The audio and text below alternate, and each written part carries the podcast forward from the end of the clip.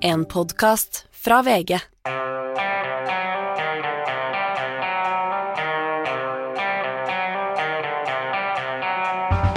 Ikke visste jeg at alle disse dagene som kom og gikk, de var selve uke seks. Eh, vinteruke her i hovedstaden, han er nesten ikke lov å si det, men eh, fordi det selvfølgelig er verre andre steder. Men jeg vil si det glatte lag ligger over hele hovedstaden. Det er speilblank, hardstampa, polert is absolutt overalt. Ja, og selv midt i byen. Jeg var på Colosseum kino i går. Utenfor der var det helt tolke. På Karl Johan og sånn går det jo fint, men Ja. der jeg bor, så er det virkelig helt forferdelig. Man brodder hele tida. Jeg går som en dame på 80 år. Jeg Ja. går og er redd. Hovedveiene er greit, alle sidegater er eh, livsfarlige. Og det er bruddkø på eh, legevakta.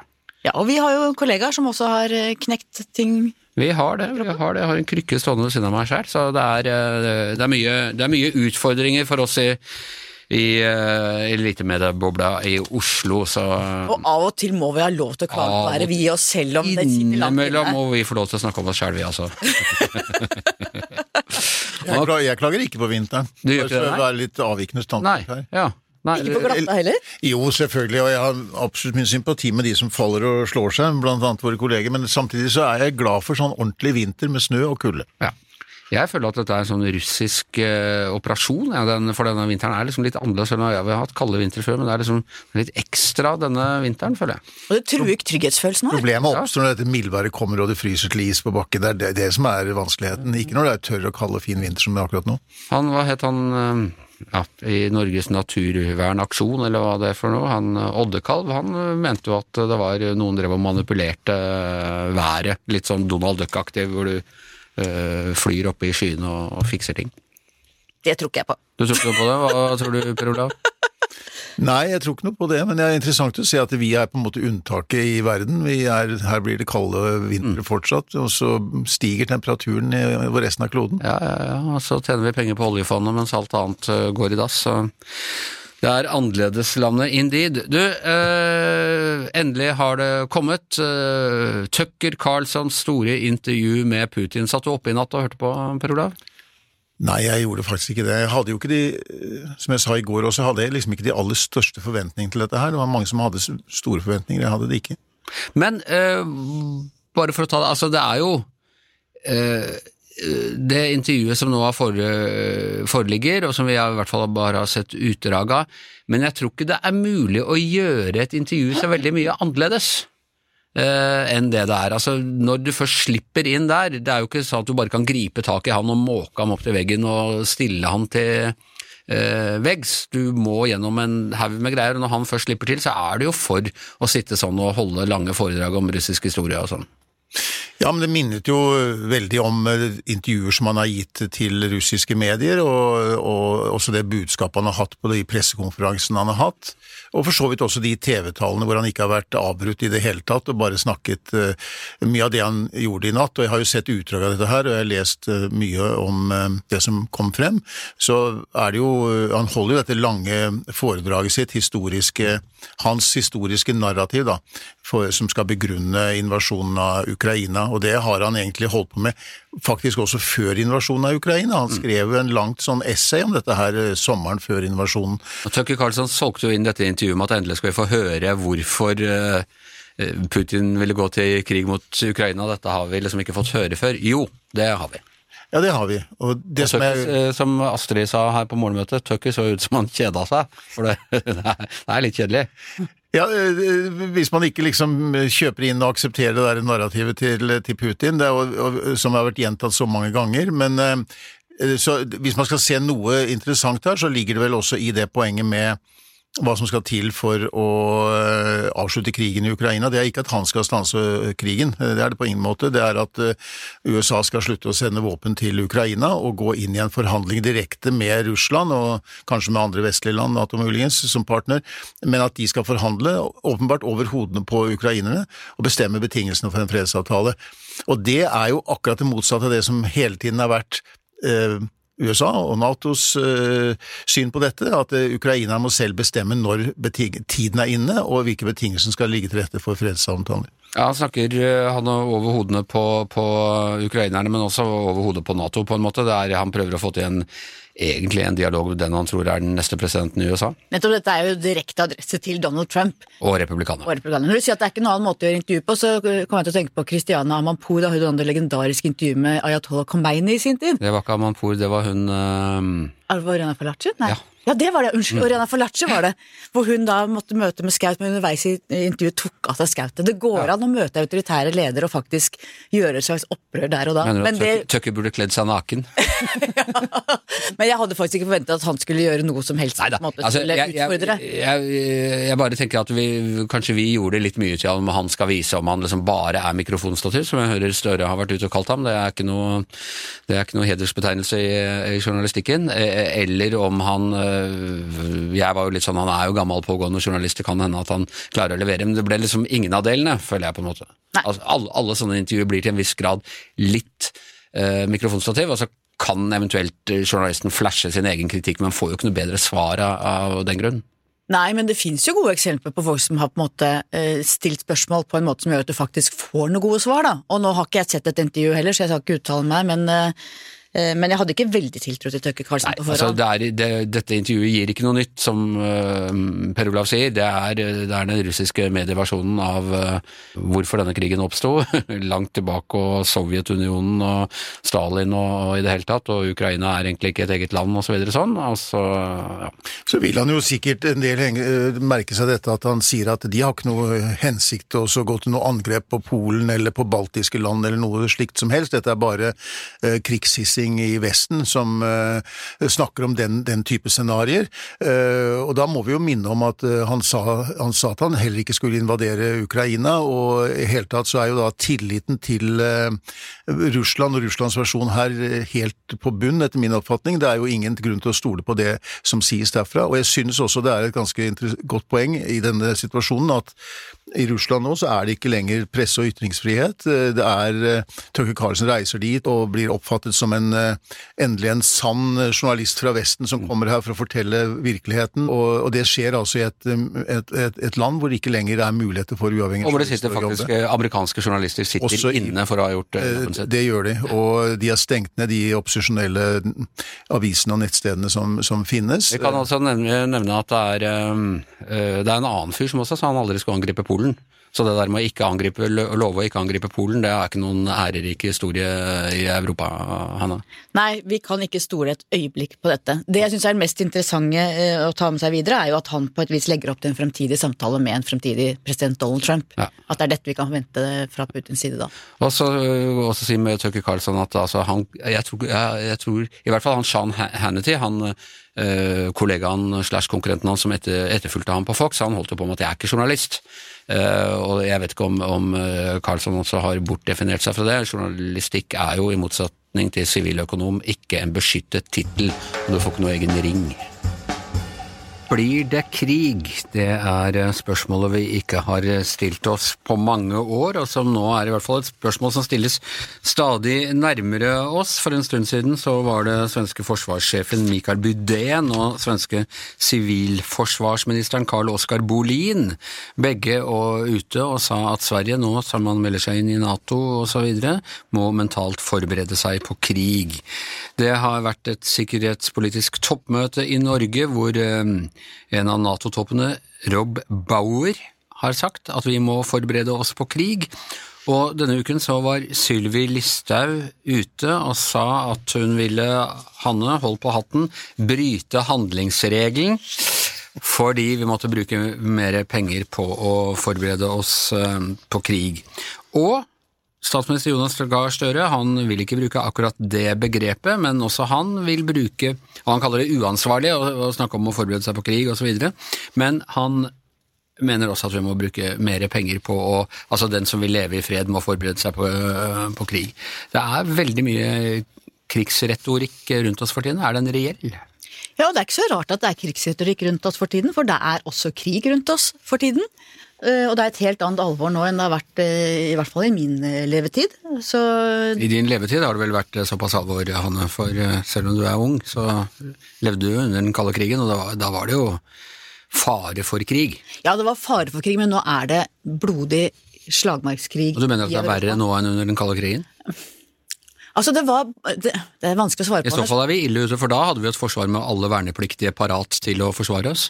Jo, men da var det på et vis Det var veldig skummelt. Vi gikk jo i demonstrasjonstog mot atomkrig og fryktet atombomben. Samtidig så var det på et eller annet vis eh, mer forutsigbart for var denne terrorbalansen, og du visste at det var to motpoler mot hverandre. Det var USA mot Sovjetunionen. De klarte på et vis å kontrollere hverandre gjennom den terrorbalansen med antall stridshoder og atomvåpen på hver sin side. Mens nå er det mye mer kaotisk, mye mer fragmentert. Det er flere stormakter i spill. Det er eh, Russland som har gått inn og angrepet et fritt, selvstendig naboland. ikke sant? Det er mye, mer, mye mindre oversiktlig, men det var jo skummelt da. jeg sier ikke Men med all respekt, det gjorde Russland da vi var eh, barn også. Fra ja, et par rett før vi ble født, og noen eh, etterpå, sånn som Afghanistan og Tsjekkoslovakia. Ja da, ok, så vi er ikke så redde. jo da, jeg bare prøver å få Per Olav, du er eldre, må det handle om meg. Hva eh, var, det, var det skumlere før, eller er det skumlere nå?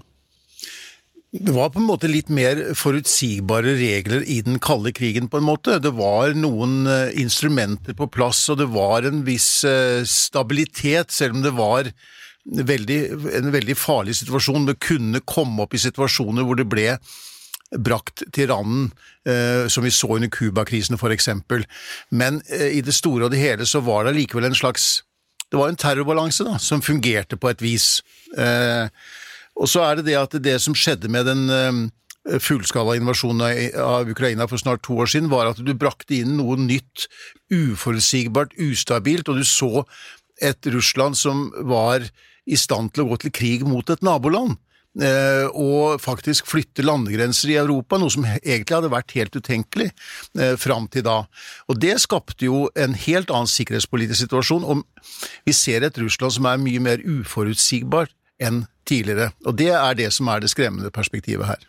Og så har du hele Kina inn. USA sier jo at eh, Russland er en, hva de kaller, en taktisk utfordring, mens Kina er en dimensjonerende utfordring, nemlig den som de må forholde seg til på lang sikt og i det store bildet. Så det er klart du har den biten inne, og så har du autoritære stater som blir stadig flere, demokratiene som er under press, eh, andre deler av verden vokser mens vi blir mindre, færre, så det er, det er mange flere ting å være urolig for, og mye mindre eh, oversiktlig enn det det var. Men hva skal da eh, statsminister Jonas Gahr Støre, eh, hva du måtte si om han? Han er en mann som forstår den geopolitiske situasjonen, tror jeg, og, antagelig eh, sammen med Espen Barth Eide så, så har vi svært kompetente utenriks- og sikkerhetspolitikere i dem. Hvor langt bør han gå i å advare? Jeg synes Når du ser på både denne og forrige regjerings eh, dårlige satsing på Forsvaret, vil jeg mene, de vil si at de har økt masse, masse, men allikevel så er vi det eneste nabolandet til Russland som ikke, Nato-landmedlemmen som ikke har nådd 2% som nå er et gulv, ikke lenger et tak. Eh, Og som du var inne på, svenskene sier at det kan bli krig. Norske politikere, Støre og Eide, demper jo heller dette, og sier da til Sylvi Listhaug som advarer at eh, hun er uansvarlig. Som jeg syns er litt spesielt, for det er klart du skal ikke skremme folk, men du skal jo samtidig sørge at vi har en mental beredskap på at ting kan gå gærent, og at vi må være forberedt. Så her er det Sylvi Listhaug som driver den ansvarlige opposisjonen og eh, helt betimelig ber om mer penger til Forsvaret? Jeg syns absolutt man skulle satse mye mer på forsvar. Én ting er at du må ha en langtidsplanlegging hvor du må liksom dimensjonere og tenke hva trenger du av liksom, ubåter, fly, det tar tid å bestille, men at du ikke har ammunisjonsproduksjon 24-7, at du ligger langt bak når det gjelder å fylle opp lagrene på det vi har gitt bort. Ammunisjonen den kjøper vi fra Kina, gjør vi ikke det? Nei, men det er altså altfor lite eh, ammunisjon. Russland driver nå døgnet rundt, har gått over til en krigsøkonomi, de produserer masse sånt. Fordi Den de- type men- ting. Og, og nettopp, jeg mener- jeg mener de er, står til godt oppover eh, leggene i en krig allerede, og hvor mye kapasitet, kanskje spørre deg om det, Per Olav, hvor mye kapasitet har egentlig Russland til å gå til andre kriger nå? Jeg tror den er veldig begrenset akkurat på kort sikt. Jeg tror det at eh, risikoen er mer økende på et tidspunkt hvis Russland skulle klare å vinne krigen i Ukraina, få det som de vil, hva nå det vil innebære, men uansett, da. eh, vinne- Overta mm, produksjonen i Ja, da, da, da vil den eh, trusselen være økende, vil jeg tenke, for, ikke minst for land i Ukraina, nei, Russlands nærhet. Og vi ser jo hvordan denne trusselen blir oppfattet i de landene som tidligere har vært under sovjetisk eh, styre og dominans, eh, altså i de baltiske landene, Polen osv. Der har de jo økt forsvarsbudsjettene sine mye kraftigere enn det vi har gjort, og, og tatt denne trusselen på veldig stort alvor. Samtidig så må jeg si at litt av denne her krigen om ord, da, for som det også er. Um, altså, Listhaug sa at det var all grunn til å frykte at det kan bli en storkrig, men hun sa også det er ikke noe som tyder på at det blir en væpnet konflikt i Norge nå. Og uh, altså, Samtidig som svenskene var veldig opptatt av å peke på at uh, at det kan bli en storkrig, så tror jeg dette var veldig ment for å gjøre befolkningen forberedt på at vi er nødt til å satse på Forsvaret.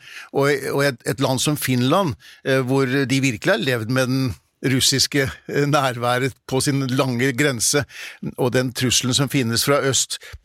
Alexander Stubb, som vant første runde i det finske presidentvalget, sa jo at Finland er den tryggeste posisjonen vi har vært gjennom uh, vår historie. Så det er litt ulike ord som brukes her. Og jeg tenker jo at mye av det som nå sies, er for å forberede oss på at vi må faktisk prioritere Forsvaret. Og det var også Støres budskap når han talte på denne sikkerhetskonferansen her i Oslo tidligere i uken. Han var veldig klar på at eh, nå er det to ting som vi må prioritere fremover. Det er forsvaret vårt, og så er det helse. Og andre ting må faktisk nedprioriteres. Eh, Forsvarskommisjonen kommer med sin rapport i høst. Jeg snakket med mange medlemmer i kommisjonen, og det de fortalte alle sammen, var at når de reiste rundt i europeiske hovedsteder og snakket om den sikkerhetspolitiske situasjonen, så var alvoret mye, mye større i alle andre europeiske hovedsteder enn i Oslo og Norge. At vi har på et vis ikke verken offentligheten eller politikerne har på et vis, mente de, tatt ordentlig inn over seg alvoret i det vi faktisk står overfor. Men altså en reell situasjon, altså krig i type Russland gjør noe de aldri har gjort før, nemlig angriper Norge? Nei, jeg tror ikke det, Anders. Det tror jeg ikke. Men det er klart, hvis de, hvis de begynner å tulle til med noen av de baltiske landene, eller noen av de andre av sine naboland som er medlemmer i Nato, da er vi jo i krig. Om det ikke er på norsk jord, så er vi involvert i en krig. Og Da må vi ta en kort liten runde på det til slutt. Hvis eh, Donald Trump vinner presidentvalget, så har han lovet eh, løse Ukraina-konflikten eh, i løpet av noen dager. Og det er jo bare én måte å gjøre det på, det er å slutte å støtte Ukraina, sånn at de blir nødt til å overgi seg. Så hvor stor vil faren da være for eh, krig? Ja, jeg mener at... Det var et veldig ledende spørsmål, jeg innser det. Nei, altså, Det er jo slik at uh, hvis Russland vinner fram ved å bruke militærmakt uh, som en aggressor i Europa, uh, så er det klart at det setter jo en forferdelig dårlig eksempel, og det vil jo gjøre at vi er alle i en mer utsatt posisjon. Så kan man jo diskutere om stanser Russlands ambisjoner der, eller har de andre ambisjoner. Vi ser jo i hvert fall tegn på et uh, Russland som er imperialistisk, altså som har imperialistiske ambisjoner. Og jeg forstår veldig godt den frykten man føler i spesielt de østeuropeiske landene som vi snakket om. jeg tror, men det var som jeg var inne på i stad, at denne krigen som Russland har ført, har jo også krevd enorme ofre på russisk side. Altså, de har mistet 300 000 mann som er drept eller såret i denne krigen. De har omdannet hele landet sitt til en krigsøkonomi.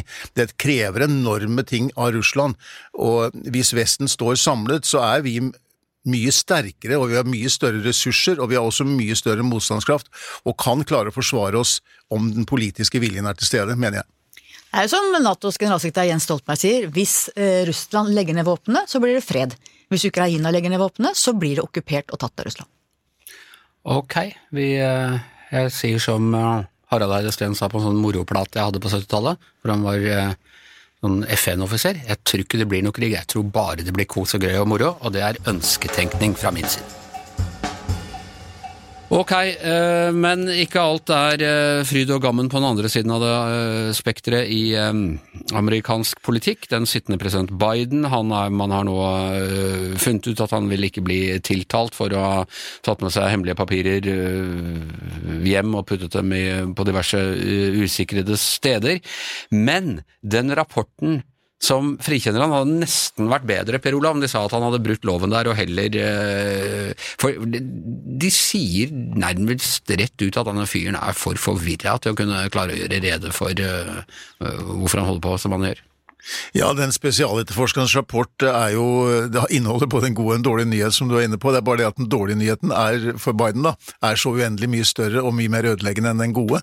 Eh, det var ikke så uventet at han ikke ble tiltalt for disse forholdene. Han eh, oppbevarer disse dokumentene. Han, han viste det også til en sånn ghostwriter som skulle skrive en bok i Bidens navn, noe av det, disse dokumentene, så det er kritikkverdig. Men, men måten dette skjer på, og at spesialetterforskeren mener at det det vil ikke ha noe hensikt å reise en tiltale, fordi at en jury ville ikke dømme en mann som hadde så dårlig hukommelse og svekkede evner, da. Og det er jo ganske ødeleggende for en mann som søker presidentembetet, at dette kommer fra eh, spesialetterforskeren. Og det er også det at det virker så mye sterkere når det kommer i en rapport fra eh, en etterforsker da, og hans kontor som er oppnevnt av Justisdepartementet, mm. enn når eh, Donald Trump eller andre republikanere eh, sier at Biden har svekkede kognitive evner. Det, noe, det, er, det, har vi hørt veldig mange ganger. Og Det mest fantastiske er jo at han holder da en pressekonferanse etterpå for å vise at hans kognitive evner, som det heter, er helt tipp på topp. og Han er litt sånn, prøver å være litt sånn vittig, aggressiv og how dare they, fordi de sier at han ikke husker når sønnen døde. og sånne ting. Og så, midt oppi det hele, så klarer han å blande, blande Egypt med Mexico, Hanne.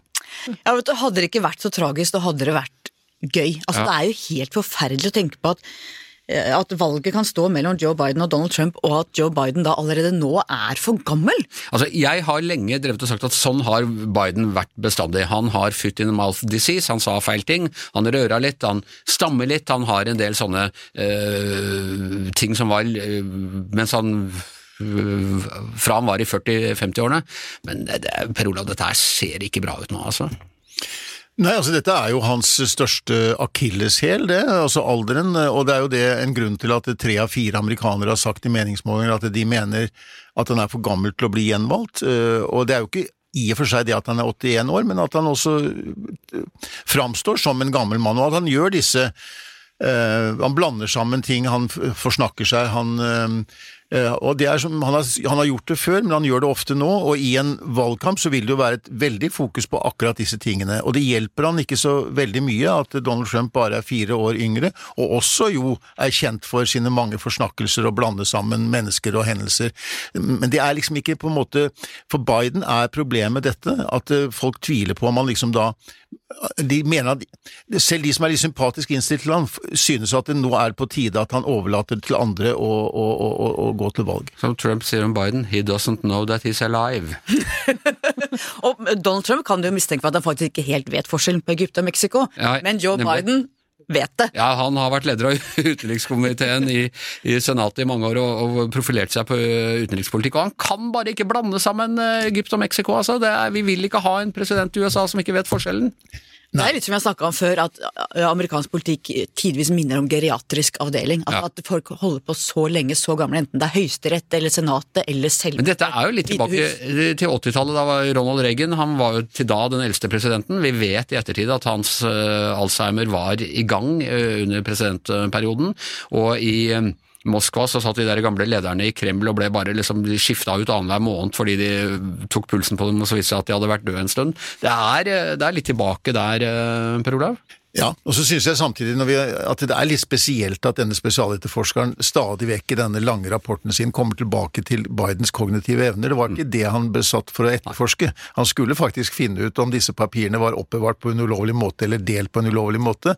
Han bruker mye tid på å beskrive dette, eh, og det var på en måte ikke oppdraget, men uansett hva det var. Og det hjelper for så vidt heller ikke Biden at han sier at disse intervjuene ble foretatt 8. Mm, og 9. oktober, tror jeg det var, da han faktisk hadde hendene fulle med å håndtere en, en dramatisk internasjonal krise, altså terrorangrepet mot Israel, og Israel som planla eh, sin da, påfølgende krig mot, eh, mot Hamas. Eh, eh, han, var, han hadde nok tankene sine kanskje et annet sted, men du vet, ingenting av dette hjelper. Eh, Nei, som president så må du kunne ha tankene på litt eh, flere steder samtidig. Nei, jeg aner ikke åssen dette skal gå, jeg. Nei, jeg er bekymra. Ja. Jeg er veldig bekymra. Ja. Søndag er det siste episode av Makta, den store snakkisen blant i hvert fall folk som er opptatt av eh, politikk og medier eh, i dette landet. Eh, mye diskutert, mye hvordan forskjellige personer er blitt fremstilt, og hele den metoden med å basere det hele på løgn, sannhet og dårlig hukommelse. En av de eh, som var tidsvitne til alt som skjedde, og som også dukker opp i saken, det er eh, journalist Eva Bratton. Hun jobbet i Arbeiderbladet, Dagbladet og NRK på slutten av 70- og begynnelsen av 80-tallet, jeg tok en prat med henne tidligere i uken og spurte først og fremst hva hun syns om serien. Kjempefin. Jeg gleder meg til hver helg den kommer. Så varierende kvalitet på episodene, syns jeg. Men jeg gleder meg veldig over den. Jeg syns den er morsomt laga, oppfinnsomt. Hvilken episode har du likt best? Nei, altså, Jeg må jo innrømme at jeg, jeg syns den var spennende den jeg var med på sjøl. Altså. Og det er jo den mest spektakulære, for det er jo togturen. Og det er jo liksom, Den typen politisk fyll har vel aldri vært vist på TV før. Det er klart, det er den mest spektakulære. Men jeg syns også den fra Utøya var veldig bra. Men er det riktig? Altså, Eh, man kan lure Vi får stadig høre at i gamle dager så var journalistene mye på fylla, det var Men gir den et eh, riktig bilde? Ja, jeg syns det. Var det så mye drikking? Det var ikke, altså, de har klart å dratt det ut, men det var veldig mye drikking. De, de, har liksom gjort det veldig spektakulært, da, ikke sant. Og det var vel kanskje mye mer tung fyll, egentlig, eh, enn en sånn hurra meg rundt-fyll som man får inntrykk av at det er her.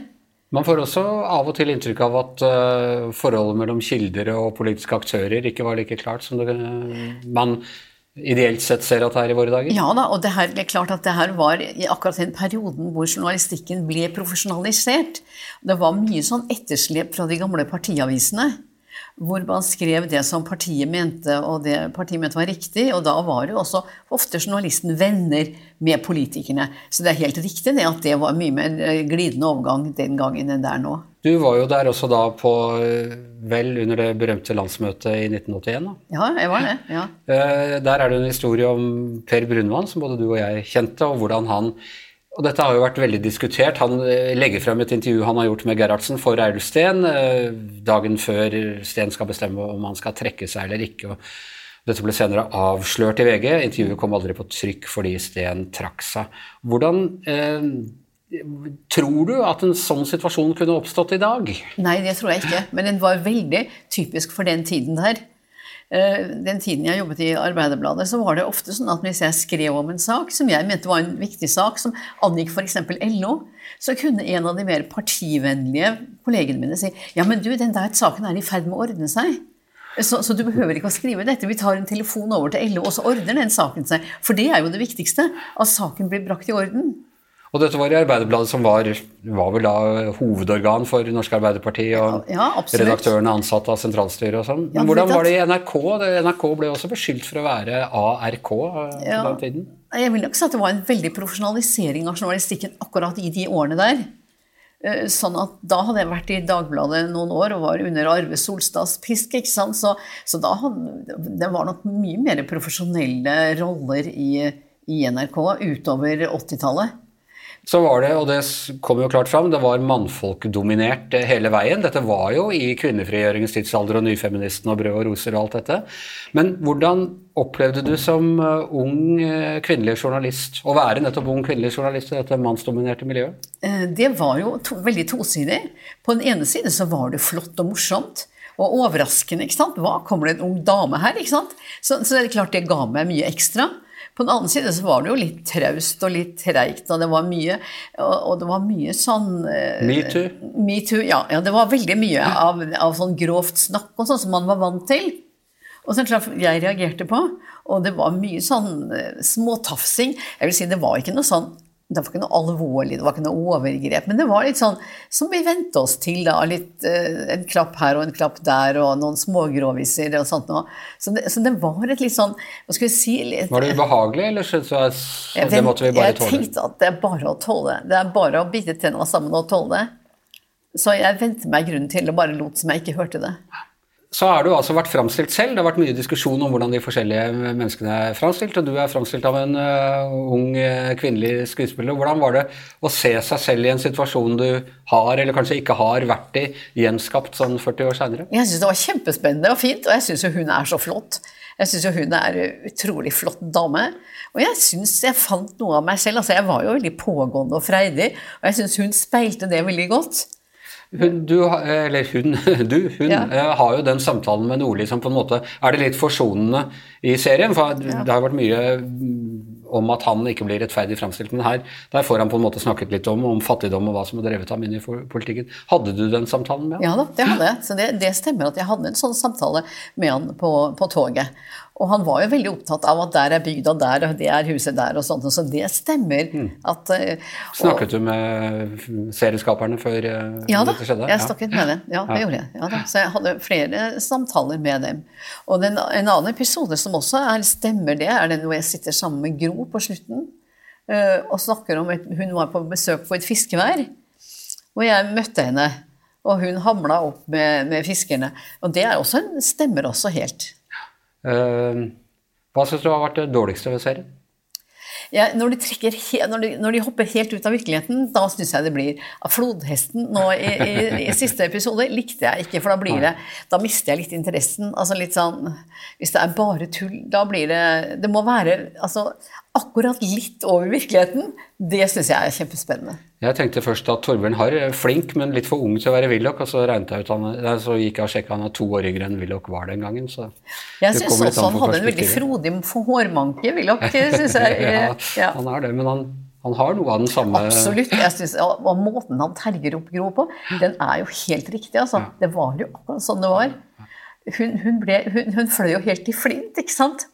Og han visste akkurat hva som skulle til for å få henne til å bli rødflamma på halsen og, og, og, og sinna. Journalister som har vært med en stund, har en tendens til å mene at ting var bedre før. Eh, Når du ser denne serien, tenker du at det var bedre før?